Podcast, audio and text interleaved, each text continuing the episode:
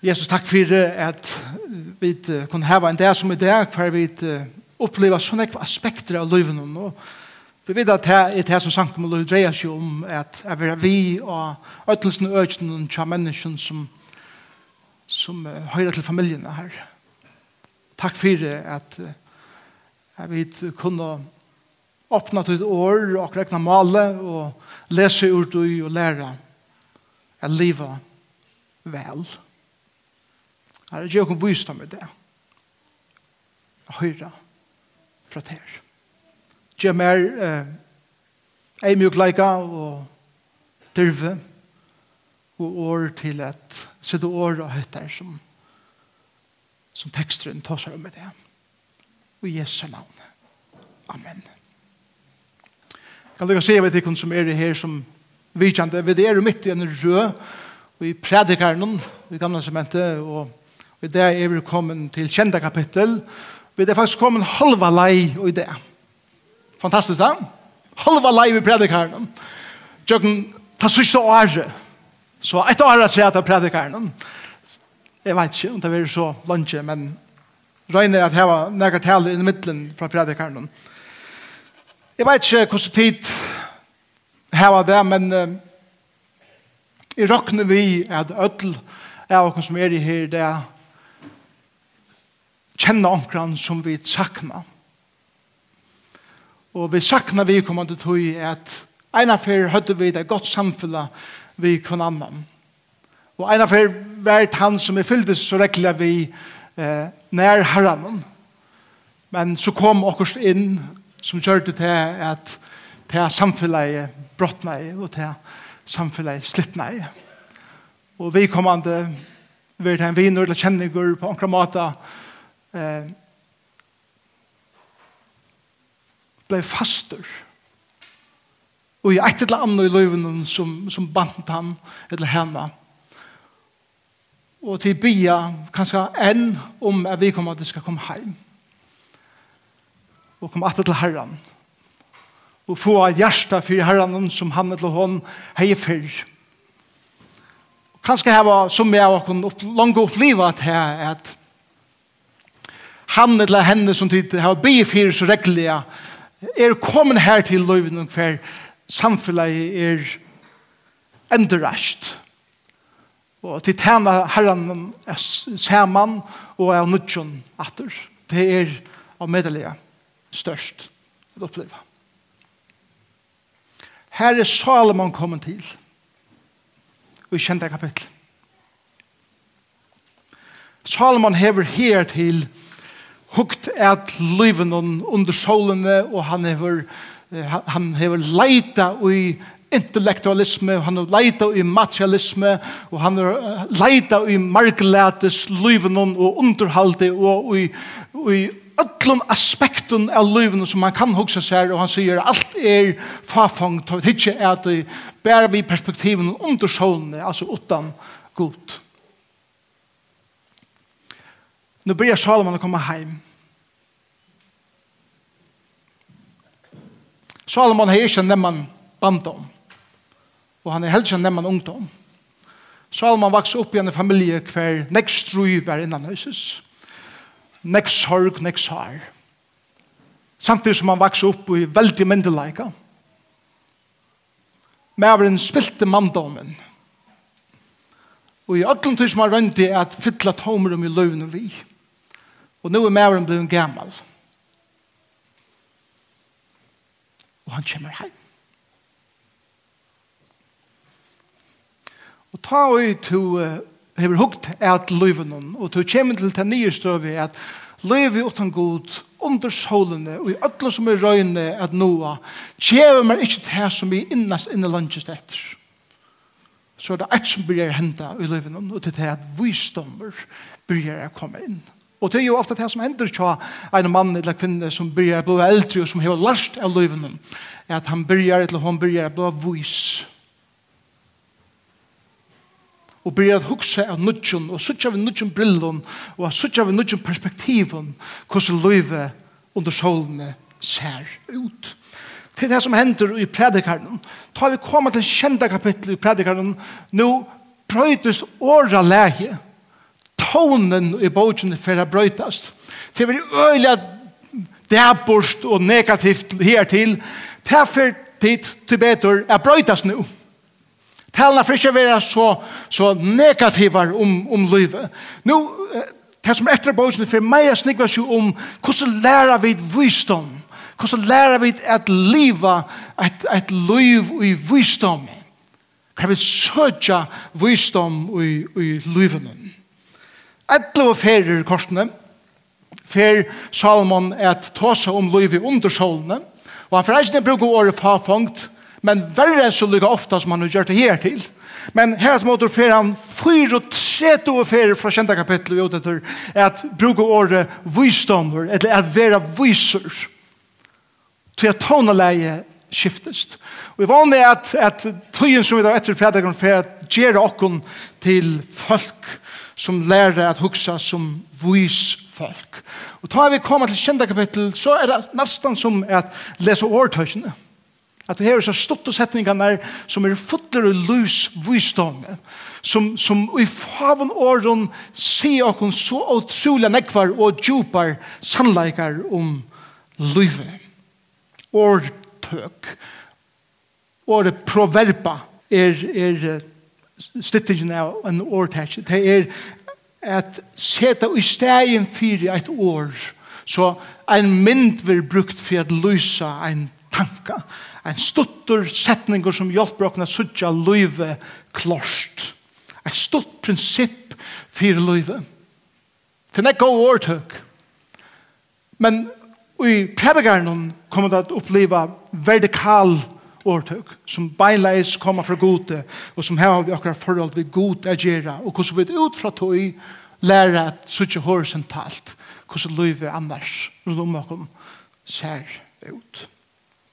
Så, la deg om lesa fra kjente kapitlet.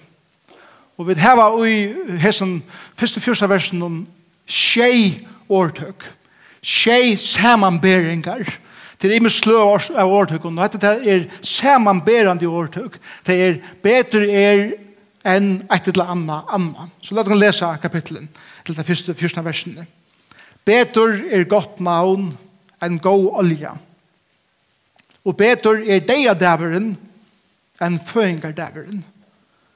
Betur er affæra i sorgarhus enn i gildeshus tog i sørgerhusen endar hvert menneskeliv, og de som liva ledger seg til av hjertet. Betre er gremja, eller grater, enn later. Så tar jeg anledes sier fra sorg, veit hjertet noen vel vi. Hjertet vismanna er i sørgerhusen, men hjertet darana er i gledeshusen. Betre at høyra vismenn deila enn darar kvua. Tog i brætje av tørnen under potten er dara later. Eisen heter fafangt. Tog i åreilige vinninger gjer hin vysa til dara og motor spittler hjärsta. Betri er endemalsens enn byrjanen. Betur er å være tålen enn hukmågjør. Vi er ikke snærere i sinnen enn å være idler.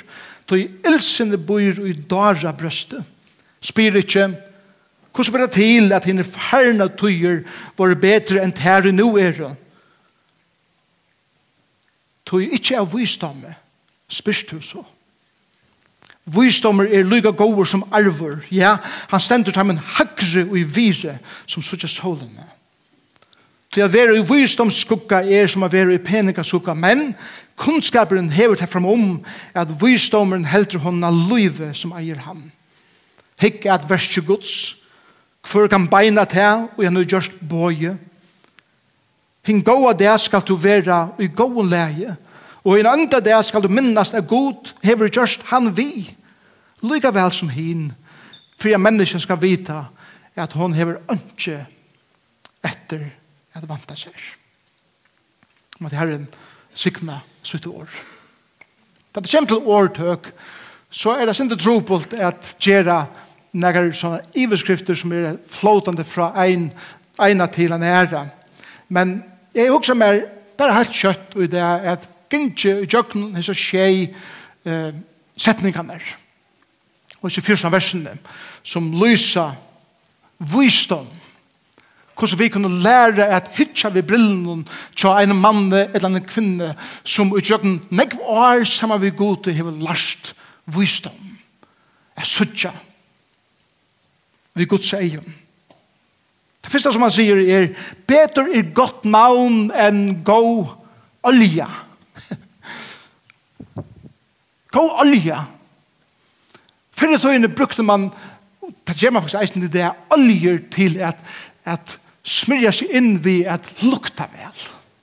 Så man kunne eisen sagt, beter er at heva godt navn enn at heva en superlekra perfume. Det er faktisk det som han sier. Betur er at, at hava eitt maun som du er kjentur fyrir eh, tuin integritet og den personen som du er myndar av vera enn av vera en maver eller kvinna som bæra gonger pui hvordan du ser ut, hvordan du luktar og hvordan annor hitje er tær. Betur er hava gott maun enn så får vi opp, opp, opp av vese til åkken, jeg måtte for inn i skapet, bæg mer og ikke ond og hitje, hvordan øtles mersen i eita. Så, Chanel, Dolce Gabbana, Calvin Klein, så fann det cool water her reisende, og så vi her. Det var ikke gale vi tog, men det er bedre. Jeg er en person som er kjent for det, jeg er orvægen, Jeg er kjent for hver to erst. Jeg er kjent for at gjøre mon. Jeg er kjent for at jeg har et godt år av det. Jeg Vi gjør når åren sier predikeren her, Visdommer i livet er at leggja større dent av det som er inne i heldre enn det som er utenom. Det større visdommer at sette seg fire i livet om hvordan er ferdig at være, hvordan er ferdig at oppføre meg, hvordan er ferdig at reagere og i imenske omstående i livet om, og være kjenter for det heldre enn å være kjenter for det utvarstes. Som som forresten fer. Jeg var nekk penere for 15 år siden til Løvden Byrje enn jeg er i det. Paul han livast. Men ja, han mener vi er også veldig særlig penere. Noe tema det vi. Men ta jeg ikke at jeg kom til tidligere med er, så synes jeg det at vi forfærast og, og at løyve forfærst. Men det som er inni i, det som jeg kjenner en person som ser seg fire av er vi som er, det er økest Det blir mer og mer livande som årene færa, at du blir mer og mer viser, mer og mer respekt, mer og mer myndelag i er ut til navnet, til at du legger dent av det som herren nu giv der innvartes, heldre enn hinne njåtelsen som han forresten eis nu giv jokum, utvartes. Det er ikke antle eller, han sier bare hva det er beter, jeg legger dent av. Så sier han, noe helt ondallet, og beter er deg av daveren enn føyingar dævren. Jeg mener så jeg vidt feira og gledast om føyingar føyingardævren, kjevlig stem. Og vi syrkja deia er. Vi syrkja ta i folk dødja. Vi har opplevd det hessa vikna. Jeg vet har vært i sorg. Og Salomon sier, tandævren er betre enn føyingar dævren. Jeg, jeg, jeg skiljer det ikke ordentlig enn, men det blir jeg skiljer det. Tøy er at Som pappa min ofte har sagt, Tess eldre du bliver, tess større vire for deg suttje ui, tess som sender for framman. Særlig ikke en mann og en kvinne som er fyllt vi god i alt sitt liv. Og hikker og i gamlen aldri atter av livet, de gleder seg mer til å slippe heim, tog jeg nekve av heimen som de kjenner, og har fyllt vi gjennom livet i fern under dem her. Og de gleder seg å slippe heim. Salman er blitt gammal, Og han sier faktisk gleden til dagen. Da jeg slipper hjem. Paulus, han, han struttes vid det samme. Vi leser i Flip Brown 1 om at Paulus hever et her struttes vi at jeg vil ho affære heim. Jeg vil ho affære heim til han som utvalgte meg og som frelste meg. Men det er tidligst en nei og kjemmer å være her i middeltikkere som en liva. Men jeg vilja være heima. Og til omgå til, til skilja slett ikke her enn, og, og det er ok. Til tid er alt livet fra meg fyrir, men til eldre å vite hva salma snakkar om. Det er dæveren er bedre enn føyingar dæveren. Borster ur hesten likamen om er vi heima til herren. Så sier han i ut i tre sammenbrengen i vers 2 betre er affæra i sorgarhus enn i gildes hus. Tog i sørgarhusen endar hvert menneska liv, og de som liva ledger seg til av hjerta. Betur er affæra av en gjerra affær enn a velta der i en gildes hus. Mens til evnir vysdommer, til leid etter vysdom i livet noen, Fast meira bors ur a vera ni gjerrar fer og høyra kan vera sagt her enn a fer til gilte hver krønne kan er bare flikva og ötler skittelate Visdommeren er i gjerrarferen. Til det sender her beint er at de som livet legger seg til av hjertet du høyrer det som vi har sagt her. Og ein og for okkar som vi vil gjør for det steg, og du graver bak han veit at til bare spurningen tog inntil min turer kommer. Ein dag er det min tur. Ein dag er det min tur. Og det gjør oss visdom til å huske om hvordan vi lever akkurat liv. Det er bedre å fære en reflekterende tur ut av kyrkjegæren at hitje er gravsteinen enn å bruke en settende barst av en festival. Det er kommer til visdom. Det Det er bedre å bruke tog vi en som er i sorg enn å bruke tog vi en som just har vunnet i kjekkjenen.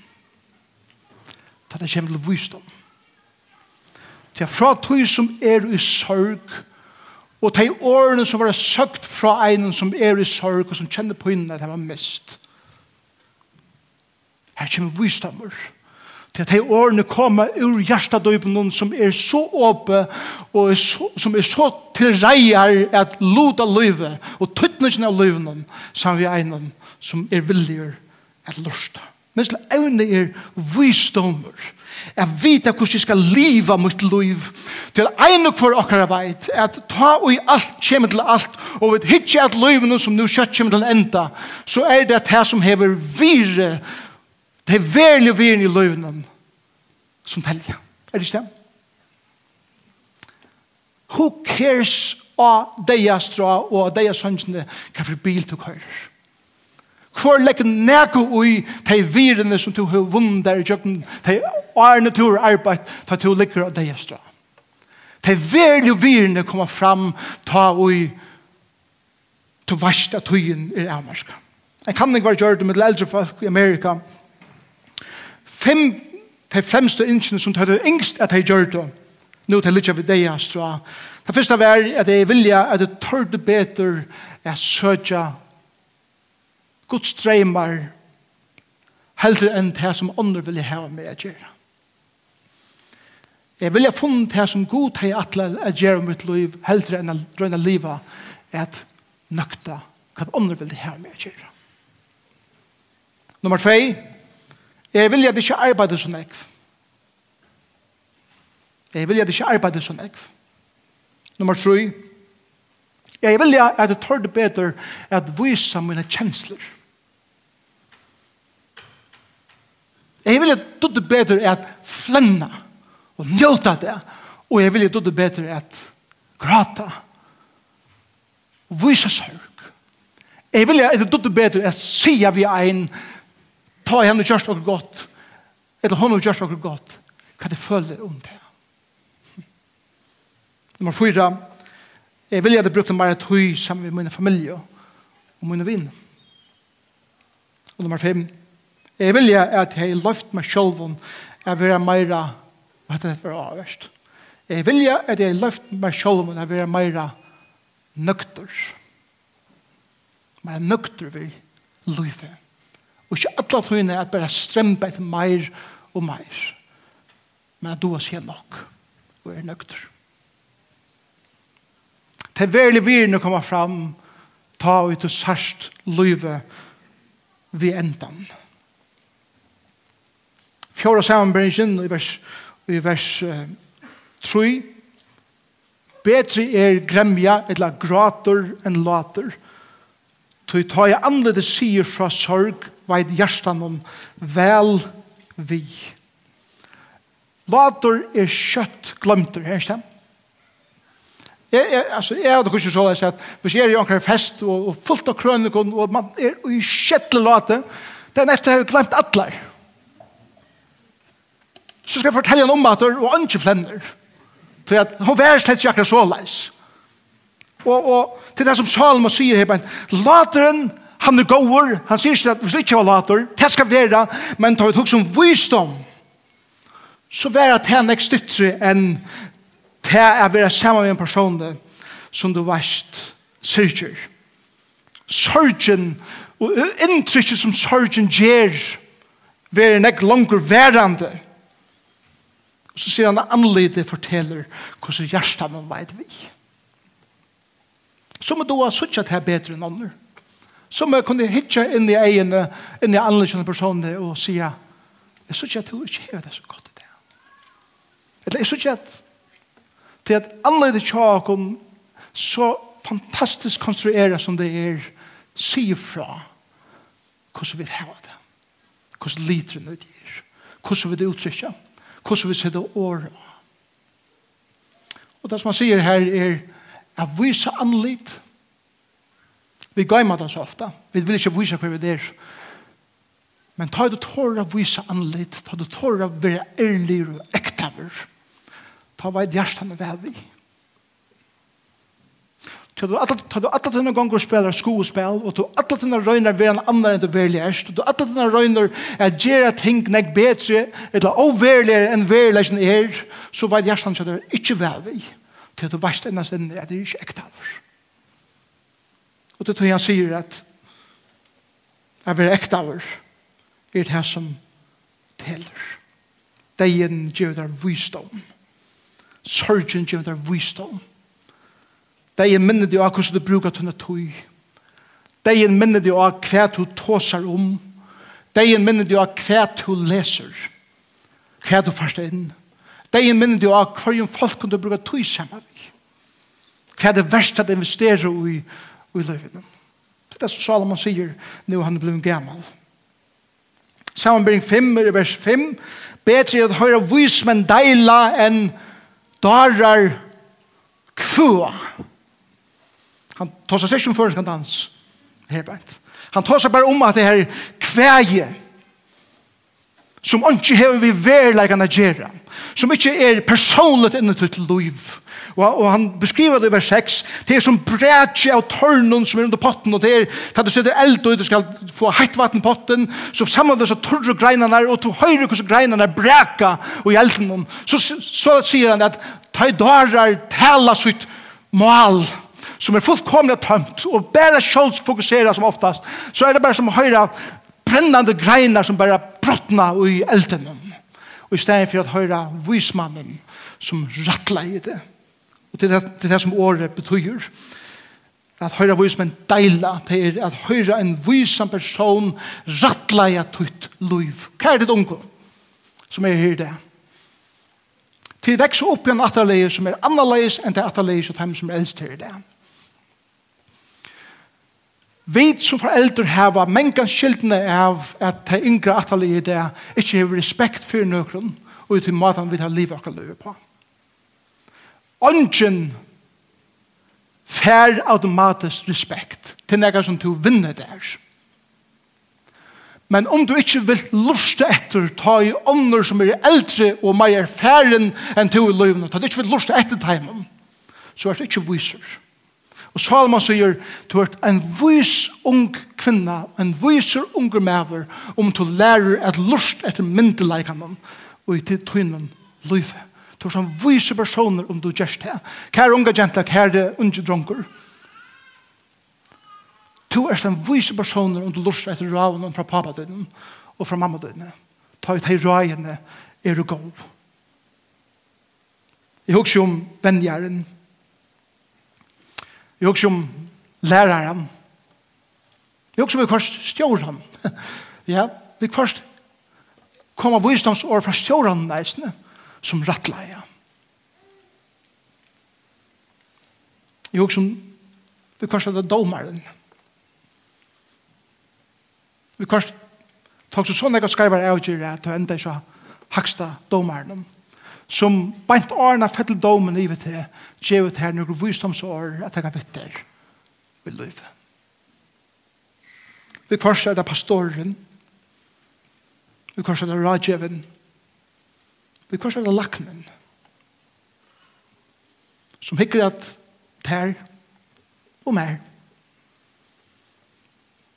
Og sier noen merkje i år, og han sier vi til, blodtrykket er alt for høyt. Kolesterol er alt for høyt. Thomas ansatt er. Thomas ansatt er hvordan du lever. Salomon sier du er viser og du lustar etter en rattleier. Vi kostar det sæk for en. Som har gjevet han noen merkja i år. Vi kvarst er det en fyrvende tjona for deg.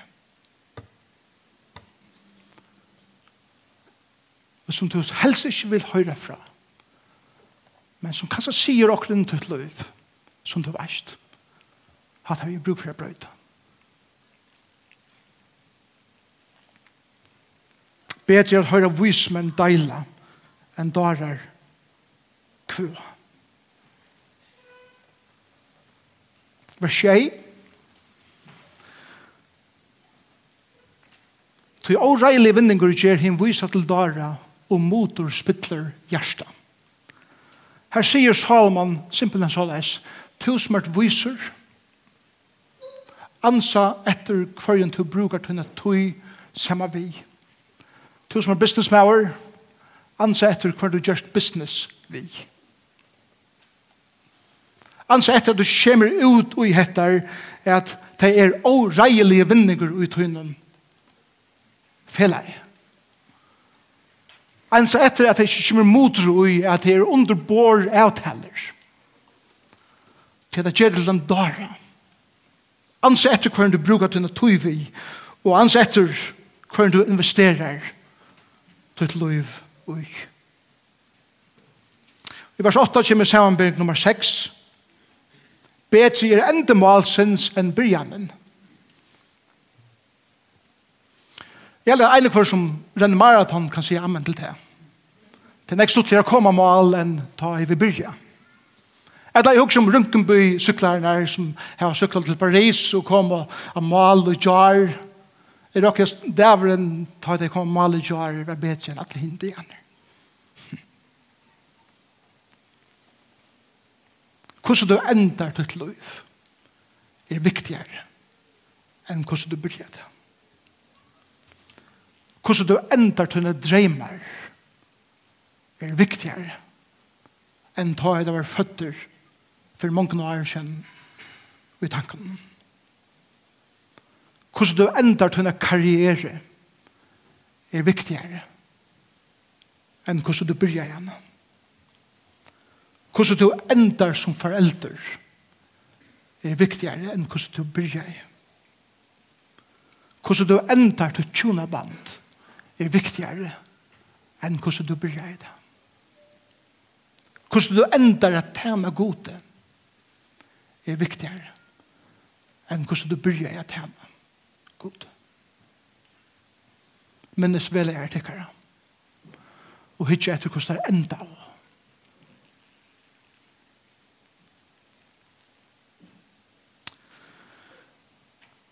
Så negver okkon Da var tidsja at det var livet tjåk. Sia, hei er bæra. Hei er bæra hukse om. Hei er bæra last et. Og er hei vilja et. Og vi engre avgjør som vi tåk av enum. Hva vi sjálf hadde avgjørne av det. Jeg veit, vi vet öll, at det er ting som hender oss som vi ikke har kontroll av. Og her kommer herrens nøye inn, men vi først. Det er av akkurat ekna. Og tog er det enda vel. Hvis du kunne be en neka fyrir mer, som leier av nøyse samkomne, til at jeg skal enda mine dier vel, som pastorer her. At enda mine dier vel som en godsmæver. At enda mine dier vel som mæver, som pape, som viner, som menneske at det skal enda vel. At åhaldene skal jeg kjenne noen. Halt å, og ikke vilja gjevast. At lengma og trofeste er okkara navn og stein fyrir god luktelser. Og så sier han nu, og det sørste samanberingsene, som er i samme versen, vers 8. Betri er vera tålen, en hukkmåger. Uh, han har lagt i omkring han. Betur er å være tålen en hukkmåger. God lær mitt hål, og lær det være nå! Det feil feila bion tål, til at ta i vi bion tål, så gjør vi her nok noen person innen løyve som vi nesten ikke tål. For jeg røyner akkurat tål. Og at lære å boja, at lære å lusta, at lære å være stittler, At læra tia. At læra ikkje skunda seg. At læra slappe av. At læra djevast at renna. Så sier det vers 12. Tål og avvarskar. Eller vers 12, Vær ikkje snærere i sinnen av er Hitler. Tog i ilsene burde ha brøst. Så vi som har stått fjus, og ikke klarer å styre akkurat ilsene og tog kjenslene av er over, det er ikke gale vi av kjenslene av er over, men tog som ikke styrer henne, så har man sier tog som dare. Men så snakker vi om mannen her han, han hei, han hei, han er så skjelt av konen av bøtten som ser ut, at avlandet kan være store, og så sier han, ja, men jeg er bare så leis, og, og, og, og så flipper jeg ut, og så er det beina vi hvis det er. Vi ser vi, ja, men det er børseskott eisne. Børseskottet smettler, og så rives det. Men det som det ikke dra fra børseskottet, loja stora sorg og skria. Så tog kære bror, kære syster som ikke klarer å stå ut under synden. Be herren om tål. Be herren om tål og lære det och lära mig att styra mig At annars som vi vil tåle gjøre til vers 12 spyr ikke hvordan blir det til at henne ferne tog jo var bedre enn det som er nå. det var så nekk bedre før. nek mittels til jeg var unger. Ta vær det så godt. Ta i god vær unger og i god læ. Ta var det godt. Hva sier Salman vi til? Du er ikke vist om en og. En maver som er viser, en kvinna som er vis, hikker inn i tøyene. Hun ser at ødel atterlig. Beit hei som er færen, og hei som er i ui, og hei som koma, er öll lyka stad i for god, og hava desperat bruk for Guds nage.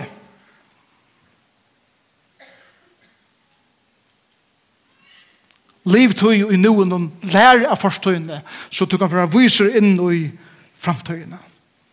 Vers 11. Visdommer er lykke gåer som arver i han stendet ham hagri enn vire som suttja solen. Han, han er større enn en materialistiskur arver. Visdommer til at djevet er hegne at liva livet. Visdommer djevet er bremser at sier nei og at stegge av.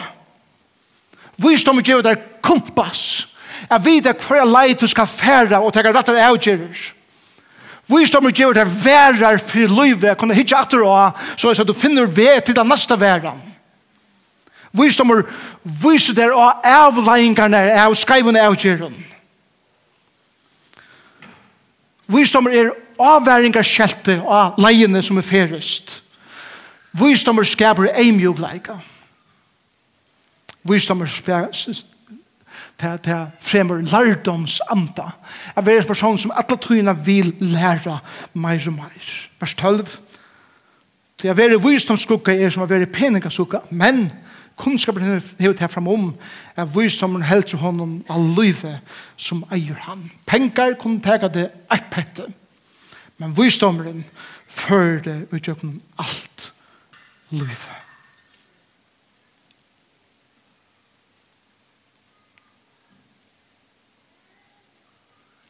Vers 13. Hikka verset gods. Hvor kan beina til? Og han hever gjørst boje. Hva er det svære? Ønsken kan. Det som god har sagt er verer. Og til å lære å få et goddomlet perspektiv på livet. Er det som god har gjørst, det har han gjørst. Er det som god har sagt er såleis, ver verande såleis. Du kanst ikke brøyda det. Det er naturlovene som god har sett og i sitt skapende versk, kanst du ikke brøyda bare vi har hatt en mening om ting. Det Det som god til å sette stein, blir det i steinet. Lyga mykje for okkara mentan og okkara viner og okkara starfsfellager sier. Lyga mykje for okkara samfunn sier om hvordan ting beveger seg i det. Det som god har sagt er verer. Og visdommer er at stilla seg inn i Guds skegvar og sier God, lær meg tog jeg sutja det fra tøyne perspektivet. Lær meg tog jeg tekka tøyne briller på og sutja som to, som ikke alle tøyne føler at det er en motstrøm i måte der. Det er så langt som du er en motstrøm mot god, som du er et strøyest kjøkken liv. Man er djeva det iver og byrja sutja fra Guds perspektiv. Tog jeg tøyde på ryker, så kan du bare stoltere Men da det her godomne perspektiv, så vet du at god til å gi meg etter vendingen til å bruke for syne her. Ta et du hever attergångt, mågångt i livet, så kan du begynne å huske at god er måte mer. Men da du hikker fra Guds perspektiv, så er det akkurat han mågångt til attergångt i livet som kan være begynnelsen til en lei som god vet er nek bedre for deg enn til leien som du gonger beint nu. Mågångt er viktig i livet. Tap er viktig i livet. Skuffelse er viktig i løyven for at Gud kan vise deg en ære lei som han hever fyrt til. Og jeg er glad for at Josef, da han ble blægaver i, i fangsel for jeg var rettvis og ikke gav opp. Det han kjente godt. Og han så langer enn bare fangslet. Og jeg er glad for at David ikke gav opp til han under Saul og i øyemørsene, men han sa god, hever kattla meg. Og han er så mye stor viring for Guds utvalgte at han vil ikke gjøre enda av Saul ta han kunde. Til han visste at det er et goddomlet perspektiv i ødelsen her som Gud skal tega seg av og ikke er. Og vers 14 Din gode dag skal du være gåen le. Og en andre dag skal du minnes at Gud har gjort han vi. Så ber jeg ta ut av gonger vel i løyvnum. og at du følger etter gang grittla. Så ei god tar på det deaner. Og tar på det deaner er givnet her og mer at livet vi. I kvart er det der hva du føler at enden er kommet. Fall tiden er til. Hetta vet jeg. En ende er ofte Jeg mener ikke at en mamma som har gynnsjøv en baden i bøsjen og nødvendig mann hon føler at enden er kommet på versen er kommet. Mamma, amen. Men det er ikke en end, er det? Det er en brygjeng. Til en nødt føring. Et nytt liv. Ta vi føler vi kanskje at enden er kommet, så er det alltid en kapittel som retter. Og god er i den kapittelen. Han kjevet her nødja møvleikar til livet. Du heldur at du dorst, men faktisk ber du føtter. Til en nytt liv. Du heldur at du mist alt, men du veist ikke at du er fer vi har få alt. Så, det er enda. Hvis du Salomon kom her, det er hva det han sagt om denne kapitlen, disse versene, som han har givet oss som visdom, og byrja at hitje at løyvene som han gamma mever. Jeg tykker han har sagt, nøgla såleis, Hoks om tykkar avgjerer. Tid unge familjer. Mial aldrande menn. Karriere kvinner. Mammer. Papar. Vinner. Hoks om tykkar avgjerer. Og han har sagt vi til og med Tek ikkje eina store avgjør i løyvnum, utan a spyrja god fyrst. Tek ikkje eina store avgjør i livnen, utan at søtja Guds visdom fest. Og så har han sagt perspektiv. Minst til er vi søtja ikkje alle myndene. Men vi har søtja Guds visdom fast du eit anna perspektiv omanifra enn hvis du bare hikker vi til nekna igjen. Lær a suttja som god ser, og ta gjerst vi a suttja god, og bi om hans perspektiv, innu i tutt liv. Og så har han sagt, søk visdom. Og det sier Jakob eisne. Om nægar tekkar fattast visdom, så bia han god om visdom, som, som er til rei, er djeva der iverflow av visdom enn tutt liv. Be god konkret om at djeva til visdom. Let bønene være god. Djema visdom til mitt liv. Og så ikke god for å gjøre. Største visdommeren i livet er Guds øyne. Største visdommeren i livet er å kjenne Jesus. Største visdommeren som tok hele tiden kan nærkende få som en menneske er å søtte at God sendte sin son Jesus Kristus prierar at dodja for tøyna sent og for møyna sent. Største visdommen i livene er at innsudja at jeg er en sindare som er fortaptor, som er atskilde fra god og i alle æver. Men er god til å tidsje synsson og sette han i stegen fire myndom. Og vi av Jesus. Først han et løyv. Du får en nytt liv om du gjør ditt liv til Jesu det. Du får en nytt som visdom om ditt liv om du gjør ditt liv til Jesu det. Og så en det som jeg begynner i. Kjenn du nærkere som er borte fra herren og bare nå. Og du begynner at han eller hun skal komme hjem. Så han brøyde alle synder. Erst du han. Erst du hånd som har bruk for å komme hjem. Som har bruk for å komme ur hessen streven og etter at drøyende at søkja til hessen heimer djever vil du trakke ur tog og begynne å søkja Guds visdom inne til liv og komme hjem. Komme hjem til han som vil djeva deg som visdom. Det er min bønne det for be musikarne og sankarne komme opp. Så vi venter. Så får jeg be deg om kære vinner som er til det. Og du kjenner ikke Jesus. Og man djeva til liv til ham i det. Jesus døye fyrt til krossen. Han gav sitt liv for til. Og han bjør deg det å komme til sønn. Og om du er styrir det, og du kjenner Jesus langt som du frelsere, men livet, du vet ikke hva vi er livet som er fyrt, vil du börja av visdom i det og be Herren om att ge ett her perspektiv og at bjóa han en vi uten at avgjerer og at bi han om den visdom, om hans herre visdom til døgn. Herre Jesus, takk for det at vi kunne oppleve i det heter at tonaleie i predikaren brøytest Og det som nå er etter altså bøkene, for å lære oss at liva livet som visfolk. At ikke livet vi tog inn meg. i. Herre, sikna vi ditt navn. Og vi takker deg for at